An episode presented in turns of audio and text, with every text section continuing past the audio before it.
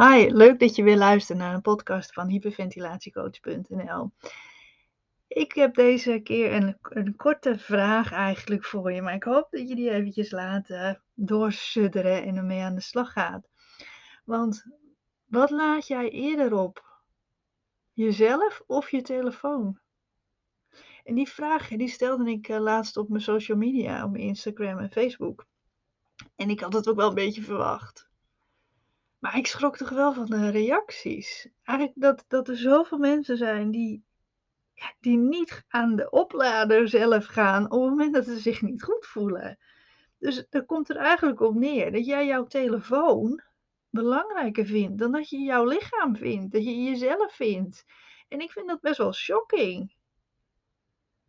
Want ja, die telefoon kan je een nieuwe kopen, maar een nieuw lichaam en een nieuw hoofd ja, dat kan nog steeds niet. Dus waarom gaan we dan zo, zo, zo om met ons lichaam? Dat we niet die rust nemen.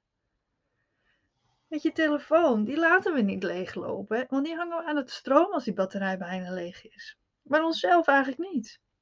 En, en dan bij onszelf gaan vaak die alarmbellen af en knippert het eigenlijk in het rood.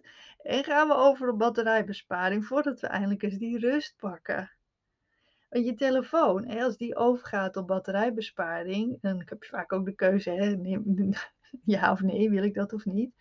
Op het moment dat je ja zegt, dan bespaar je natuurlijk je batterij. Dan kan je nou ja, bepaalde apps en bepaalde dingen niet meer gebruiken. En dat is eigenlijk niet anders dan met ons lichaam. Want je krijgt klachten. Je gaat bijvoorbeeld eh, wazig zien, je wordt vergeetachtig, je voelt je onrustig, je wordt veel gevoeliger voor angstklachten, negatieve gedachten en paniek we reageren natuurlijk allemaal anders. Dus ook je klachten kunnen daarin veranderen. Eigenlijk komt je zwakke plek omhoog als je vermoeid bent.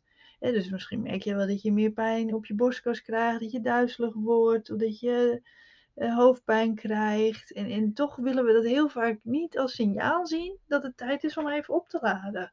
Ja, nog even, eh, nog even, even doorzetten hoor. Even niet zo zeuren even doorbijten. Of dan heb je weekend. Of straks is het vakantie. Of uh, nou, vanavond. Maar ja, zo werkt het niet. Dus alsjeblieft, hang jezelf eerder aan het stroom. En hoe je dat doet, dan, dat is natuurlijk voor iedereen anders. En dat betekent niet per se slapen, maar neem even je rust. Rust in je hoofd, rust in je lichaam. Door, door iets voor jezelf te doen, maar vooral ontzettend goed voor jezelf te zorgen. En want een ander gaat het niet voor jou doen. Je zult zelf op die rem moeten trappen. En het is misschien lastig, omdat je denkt, ja, mijn telefoon plug ik gewoon in. Die kan ik even goed nog gebruiken. Hè, terwijl je aan het opladen bent. Maar voor jezelf, uh, ja, weet je, ga, ga iets creatiefs doen. Ga uh, even doelloos Netflix, uh, ga uh, andere serie kijken, ga eventjes in je, in je tuin aan het werk. Of, of ga gewoon toch even slapen. Weet je, dat zijn allemaal manieren om op te laden. Dus, je telefoon of jezelf? Die vraag wil ik vandaag eventjes bij je droppen. Bedankt voor het luisteren en ik hoor sowieso graag altijd wat je vindt van de podcast. Uh, niet alleen deze aflevering, maar ook alle andere afleveringen natuurlijk.